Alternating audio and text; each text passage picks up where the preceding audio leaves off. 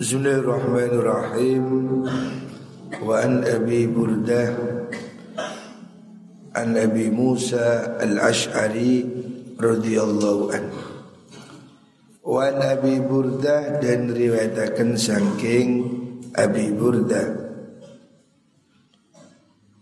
An Abi Musa Al-Ash'ari Sangking Abi Musa Al-Ash'ari radhiyallahu an Qala dawu sapa Abu Musa.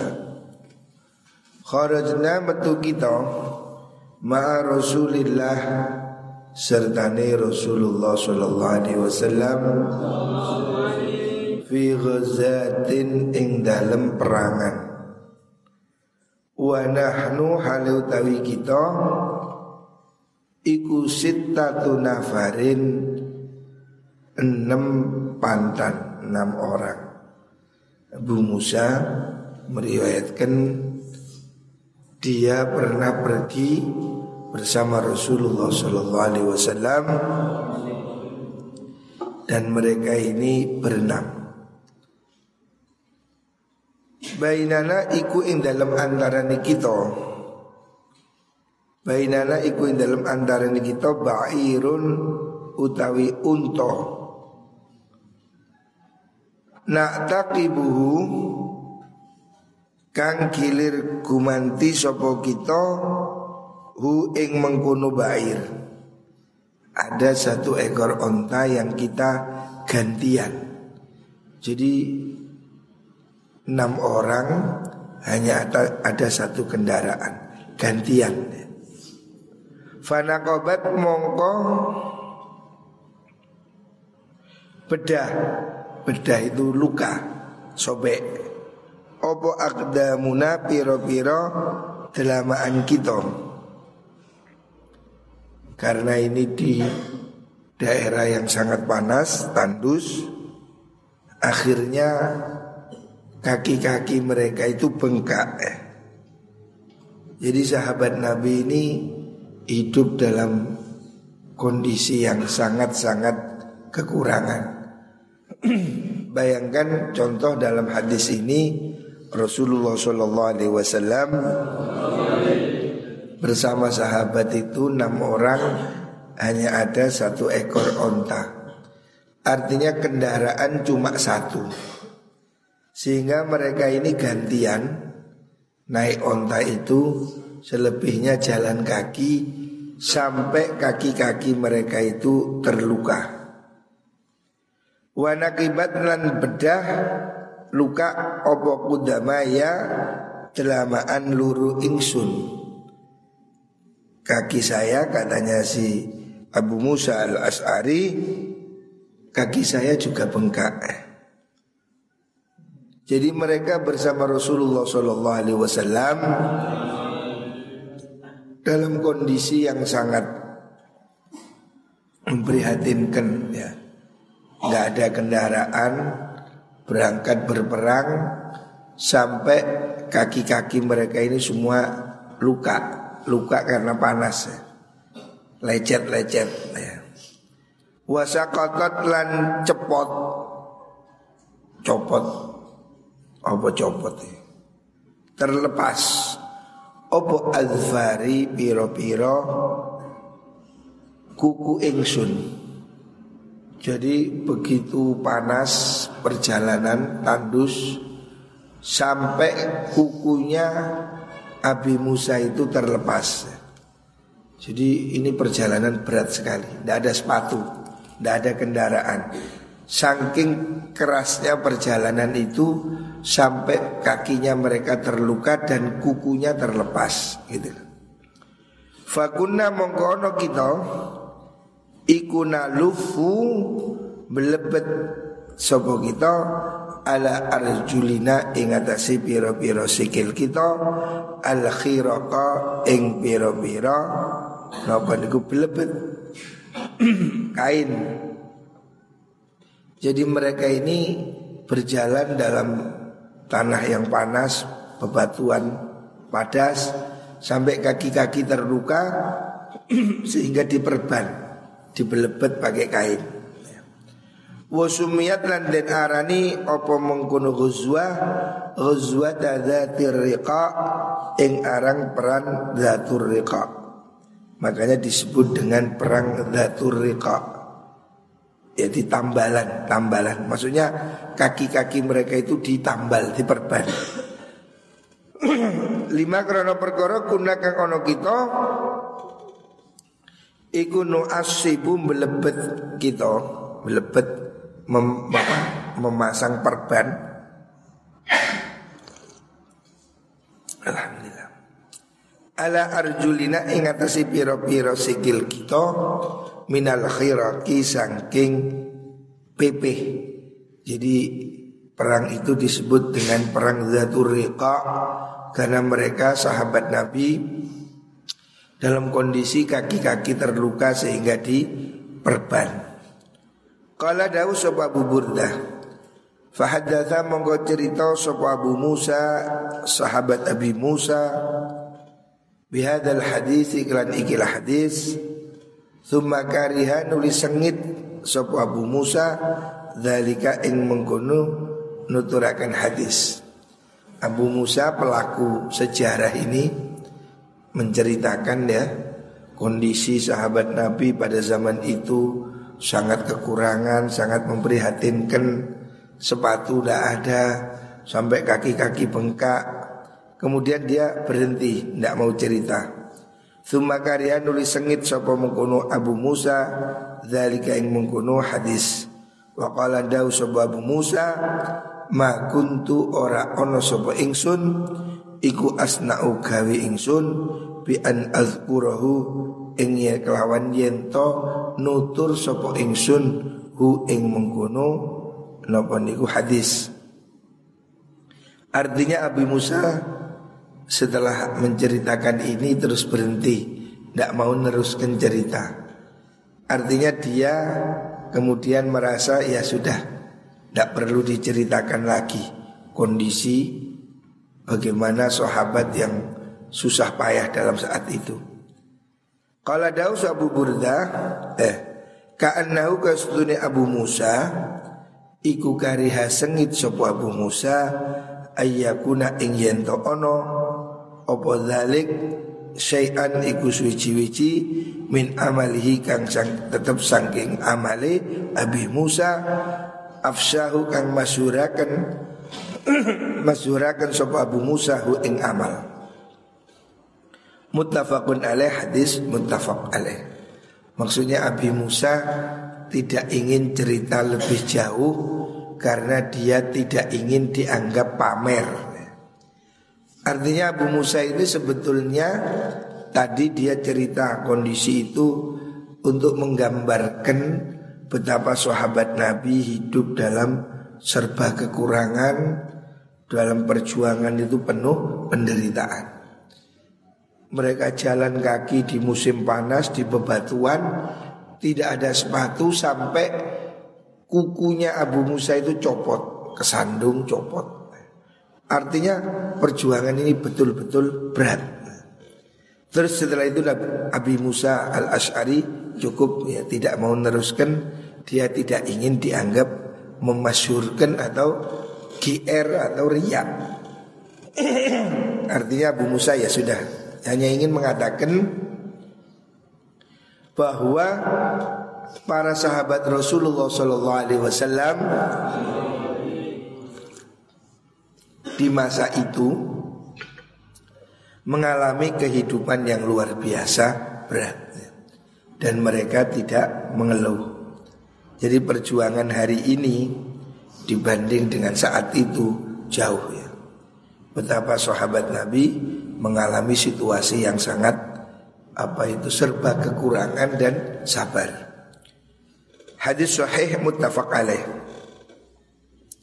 Wa an Amr bin Taghlib lan den diriwayatkan sangin Amr bin Taghlib bi fathhi ta al musannah kang titik luru fauqu ing dalem dhuwur.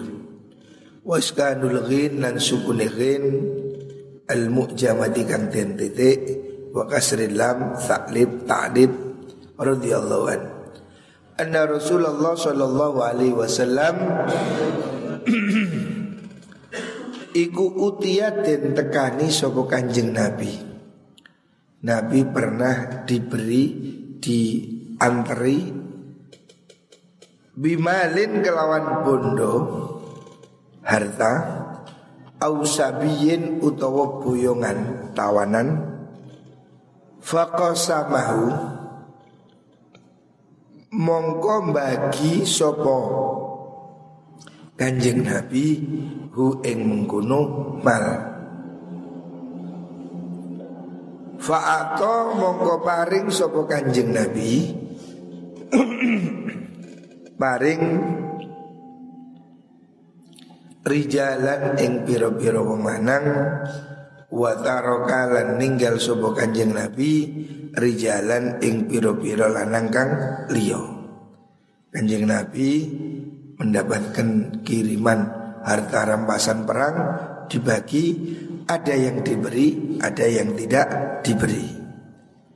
Fabalagau mongko tumeka hu ing kanjeng nabi tumeka apa annalladzi sutuni wong taroka kang tinggal sapa kanjeng nabi ing alladzi iku adabu padha muring-muring marah-marah sapa alladzina.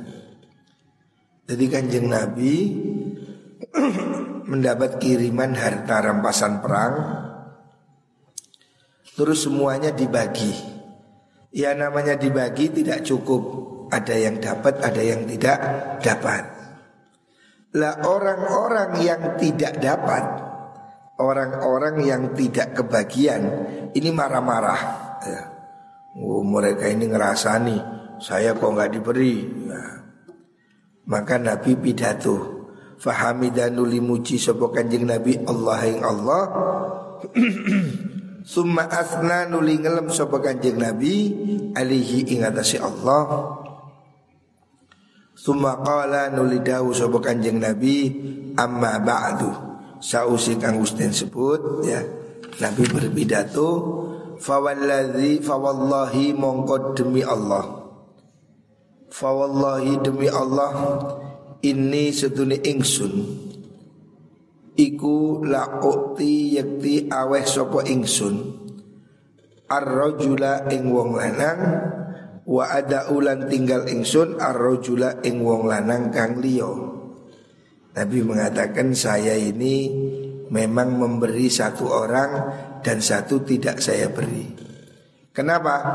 Walladhi utawi wong ada ukang ninggal sapa ingsun iku ahabbu luwih demen iku ahabbu luwih demenaken ilayya maring ingsun minalladzi saking wong uktia kang den paringi sapa alladzi tapi Nabi menjelaskan pada sahabat bahwa saya ini bagi-bagi rampasan perang ada yang saya beri, ada yang tidak.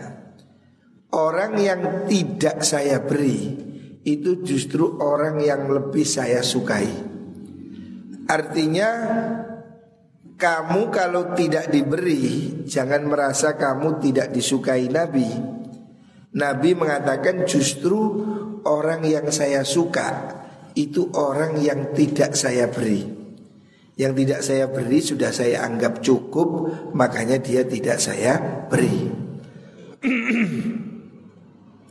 Walakin oti tetapi ini awes apa ingsun Akwaman ing piro-piro kaum Lima krono perkoro aro kang ningali ingsun Fi qulubihim ing dalam piro-piro atine Mengkuno akwam Minal jazai sangking ngersulo Wal halai yang yo bangete prihatin.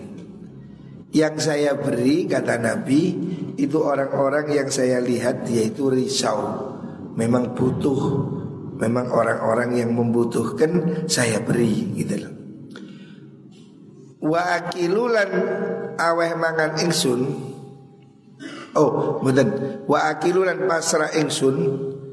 Akwaman ing biro-biro kaum ilama maring perkara ja'ala kang akan sapa Allah Allah Gusti Allah fi qulubihim ing dalem pira-pira atine kaum minal ghina saking sifat suki wal khairi lan kebagusan.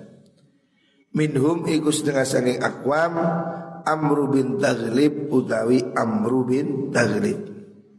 Kusapa arek ngantuk mangap kan. Run run kalau arek mangap kusapa turu mangap. Rasulullah Shallallahu Alaihi Wasallam mengatakan bahwa dalam soal pembagian rampasan perang ini saya memberi satu tidak memberi satu. Ini sebab apa? Sebab yang saya beri itu orang-orang yang butuh. Orang-orang yang saya beri itu orang-orang yang kelihatan galau, susah, saya saya beri. Lah yang tidak saya beri itu orang-orang yang saya lihat sudah cukup dan orangnya itu memang sudah mantap iman. Seperti contohnya Amru bin Taglib. Rawi hadis ini namanya Amru bin Taglib. Contohnya ini Amru bin Taglib tidak saya beri karena dia saya lihat sudah kaya. Artinya kita itu jangan iri ya. Jangan iri soal pembagian.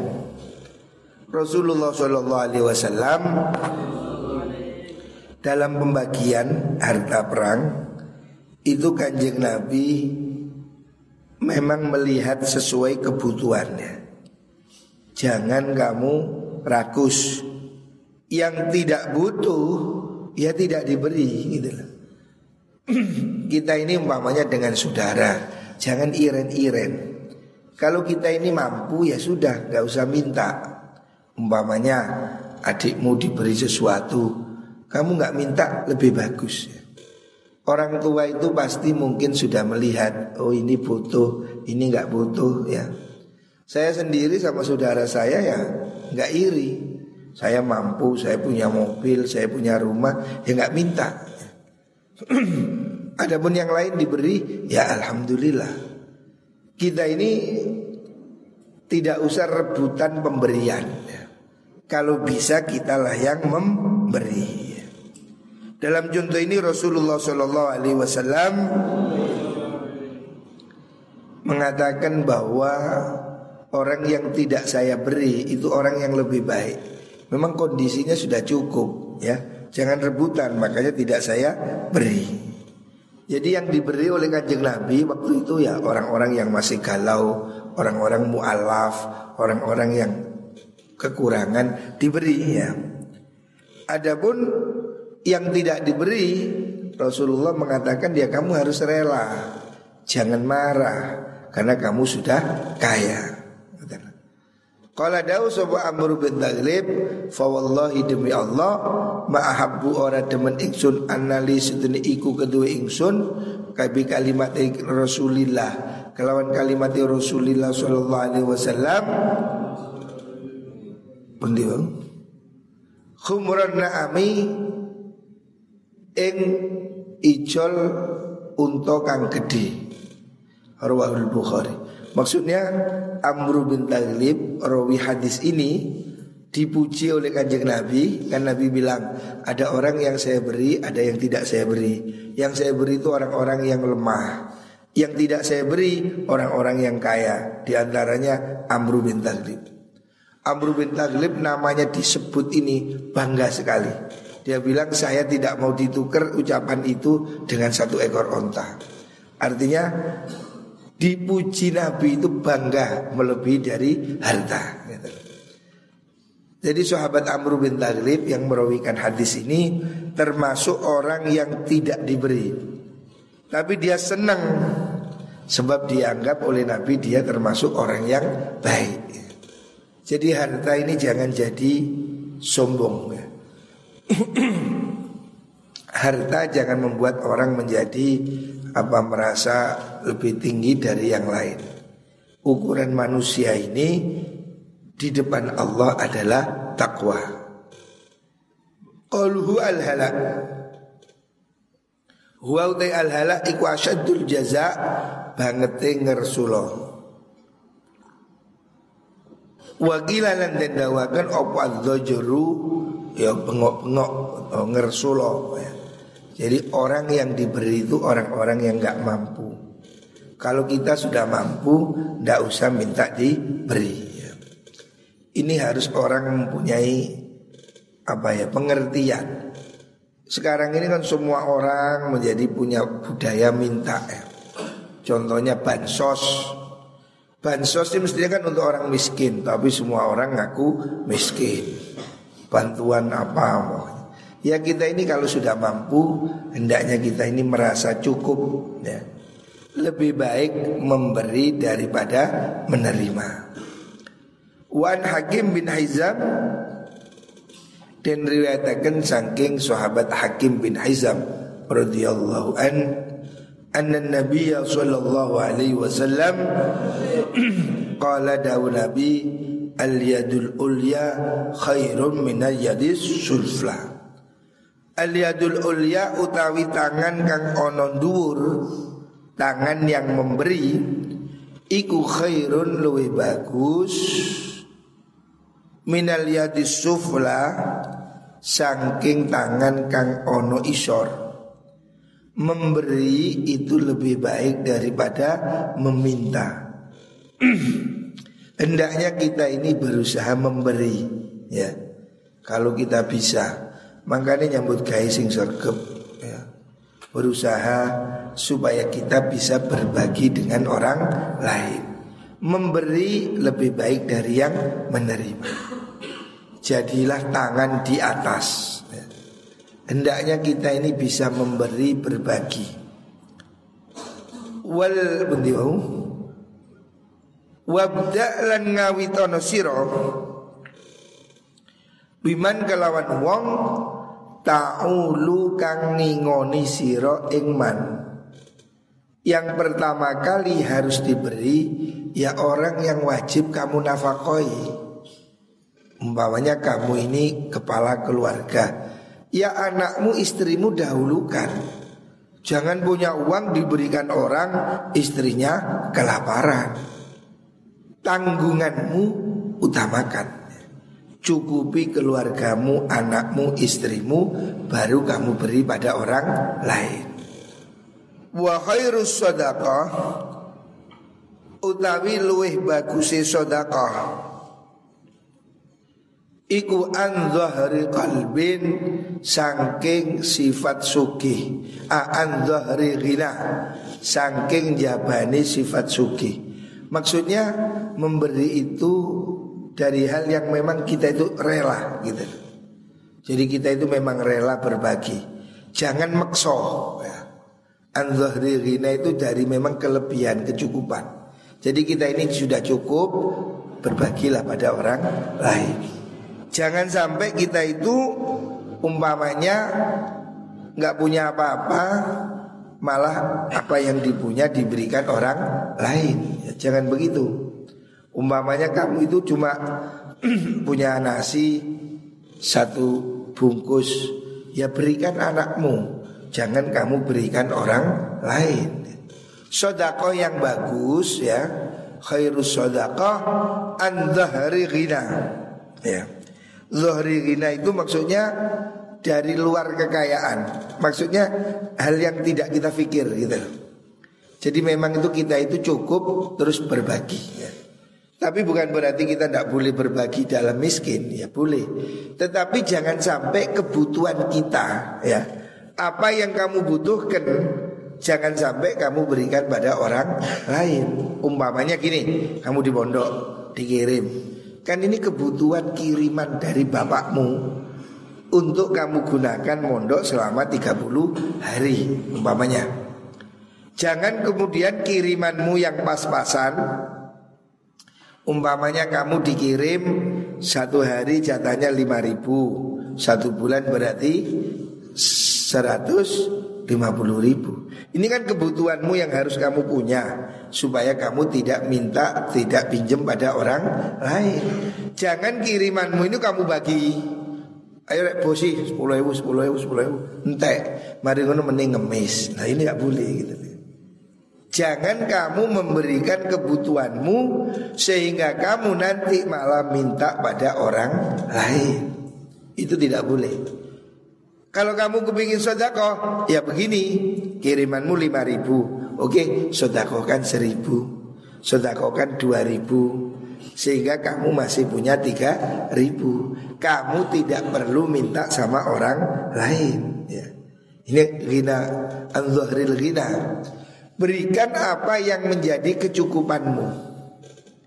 Artinya kalau kamu kemudian punya uang satu juta Kebutuhanmu cuma 500 Ya 500 berikan orang. Jangan kamu kebutuhan 500 500 itu kamu berikan orang Sehingga besok kamu ngemis minta-minta atau hutang. Itu tidak boleh ya. Keluarkan apa yang kamu sudah memenuhi kebutuhan. Waman tesapani wong iku yasta'fif amre ngrekso menjaga diri sopeman yu'afif yu'aifahu mongko ngrekso ing man sapa Allahu Gusti Allah. Siapa orang yang menjaga dirinya nggak mau minta-minta dia akan dijaga oleh Gusti Allah. Wa man sapani wong Iku yagstagni amri semuki sopoman Yugnihi mongko nyukihaken hi ingman Sopo Allah Gusti Allah. Muttafaqun alaih Hadis ini sahih Muttafaqun alaih Artinya orang yang tidak mau minta-minta Wa mayyasta'fif ya. Orang yang tidak ingin hidup menjadi beban orang nggak mau minta-minta ya menjaga diri untuk tidak ngerepoti orang. Sama dengan istighna itu.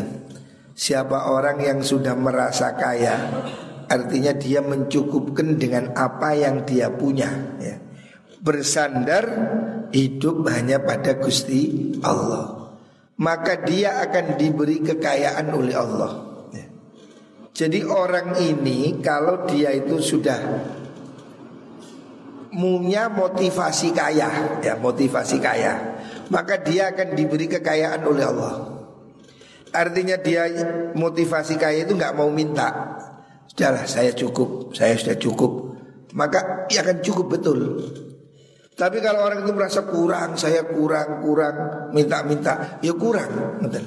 Jadi ini kekuatan sugesti ya, kamu harus tahu. Kamu harus mensugesti pikiranmu supaya kamu itu kuat.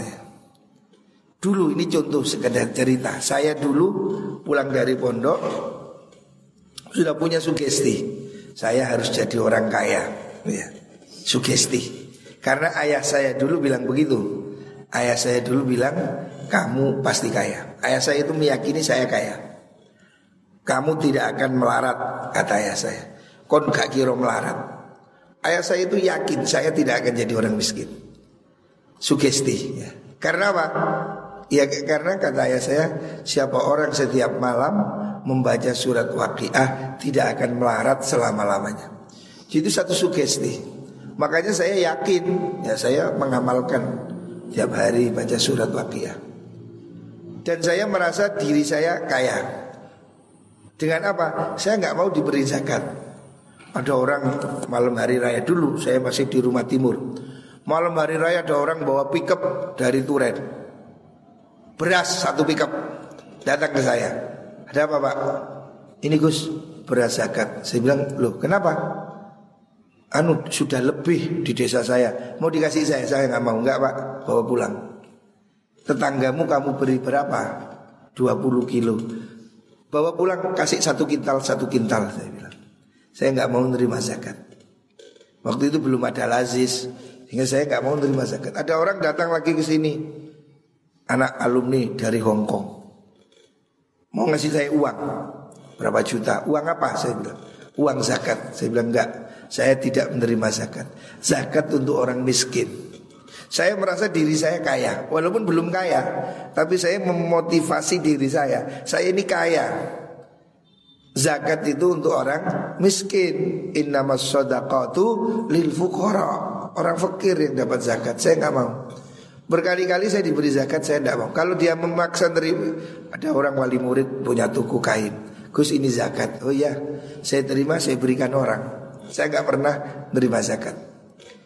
Artinya kalau ada orang memberi Saya berikan santri Saya berikan orang. Saya pribadi tidak menerima zakat. Walaupun saat itu saya masih tidak punya apa-apa. Sampai waktu itu saya ditegur sama ibu saya. Kon itu mangan si nunut terus ke Arab zakat. saya itu masih makan ikut ibu, tidak belum punya rumah, belum punya apa-apa. Tapi saya sudah ini istighna. Saya merasa kaya sudah. Sudahlah, saya yakin Allah menjadikan saya kaya. Makanya waktu itu saya matur pada ibu, bu doakan saya kaya aja. Gitu. Jadi saya nggak nerima zakat.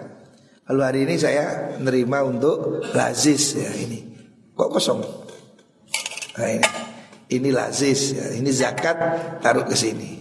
Kalau saya enggak, saya enggak terima zakat. Sejak dulu, sejak saya enggak punya apa-apa, saya enggak mau terima zakat. Karena saya merasa zakat itu untuk orang miskin. Saya ini tidak miskin, saya mau jadi kaya. Gitu. Makanya siapa orang merasa kaya akan diberi kaya oleh Allah. Jadi kalau kamu merasa dirimu kaya, mensugesti dirimu kaya, kamu pasti kaya. Jadi kamu harus punya sugesti saya kaya. Dari mana? Allah Maha Kaya. Ini yang kata Rasulullah sallallahu alaihi wasallam, "Wa may yastaghni yughnihillah." Siapa orang yang merasa kaya, artinya merasa kaya itu bukan sombong, bukan. Tidak butuh pada pemberian orang, ya. Merasa cukup dengan apa yang ada. Maka dia akan diberi kekayaan oleh Gusti Allah. Artinya orang yang menjaga diri tidak minta-minta ya, nggak melas, nggak ngemis, itu justru akan diberi kekayaan oleh Gusti Allah. Sebaliknya orang yang minta-minta itu tidak akan jadi kaya. Jadi kita harus membangun ya, mental kaya. Mental kaya itu dimulai dari mana? Dari jujur. Kalau kamu jadi orang jujur, berarti kamu punya mental kaya. Orang kaya itu dimulai dari jujur. Karena kalau sudah nggak jujur Itu mental miskin. Mental nipu, mental ngentit Itu mental miskin. Orang kaya itu clear, jujur. Bisnis itu dibangun atas kepercayaan. Jadi ini harus dibangun mental kaya itu. Saya sejak dulu merasa begitu. Saya kepingin ya sudah. Sejak dulu Alhamdulillah saya waktu pondok masih di sana masih di timur. Ya ada keperluan saya coba saya cukupkan begini. Sampai waktu itu adik saya lapor sama ibu. Bu mas niku lo pondok butuh nopo-nopo dibayari. Lagi mas boten enten ya nopo? Masih ditegur sama ibu. Artinya kamu apa yang kalau bisa saya bayar aja saya cukupi aja.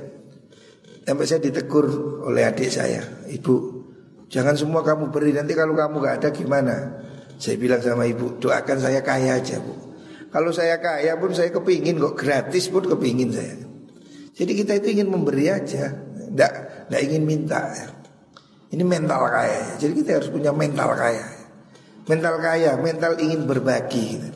Jangan banyak perhitungan. Orang pondok perhitungan, enggak. Kadang saya heran orang itu perhitungan. Kepegaji lah, perhitungan apa?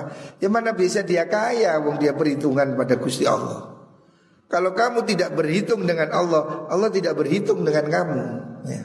Tapi kalau kamu masih perhitungan, ya Allah perhitungan. Ya. Makanya itu harus harus dilatih ya. Bagaimana rasa kekuatan percaya pada Allah. Waktu beli tanah Pondok Timur itu, Azubaidah itu, saya jual tanah, saya jual mobil, saya jual rumah, dan saya bilang sama istri saya, jangan takut, ya. jangan takut. Ayah saya dulu bilang Kalau kamu membayar kontan Tidak mungkin Gusti Allah kreditan. Nah, Itu semboyannya ayah saya. Konlek kontan gak kira pangeran kreditan. Artinya kalau kita beri pada Allah tunai Allah pasti bayar tunai. Tidak khawatir. Waktu beli tanah Zubaita itu saya jual mobil Fortuner tahun berapa itu? 2010 Ya jual. Tidak lama saya beli baru lagi Ya kalau kita bayar tunai, Allah bayar tunai. Gitu. Tidak mungkin Gusti Allah kredit, tidak mungkin. Gitu. Jadi ini harus yakin. Kalau kamu berniaga dengan Allah, jangan ragu. Kalau kamu bayar tunai, Allah pasti bayar tunai. Tidak mungkin kamu bayar tunai, Allah bayar kredit. Tidaklah. Gusti Allah kok kredit. Kalau kamu yakin, saya meyakini itu. Itu salah satu semboyan ayah saya. Tidak mungkin Gusti Allah kredit kalau kamu bayar tunai. Artinya kamu yang kau berikan pasti Allah bayar. Ya. Tidak akan hilang. Kebaikan tidak akan hilang. Kalau kau bayar tunai, Allah pasti bayar tunai. Allah tidak tidak akan kredit. Tapi ini keyakinan yang harus dibangun. Jangan pura-pura. Kita itu kalau pas pasti ya. yakin. Ya. Muka-muka semua dimudahkan Allah Subhanahu wa taala.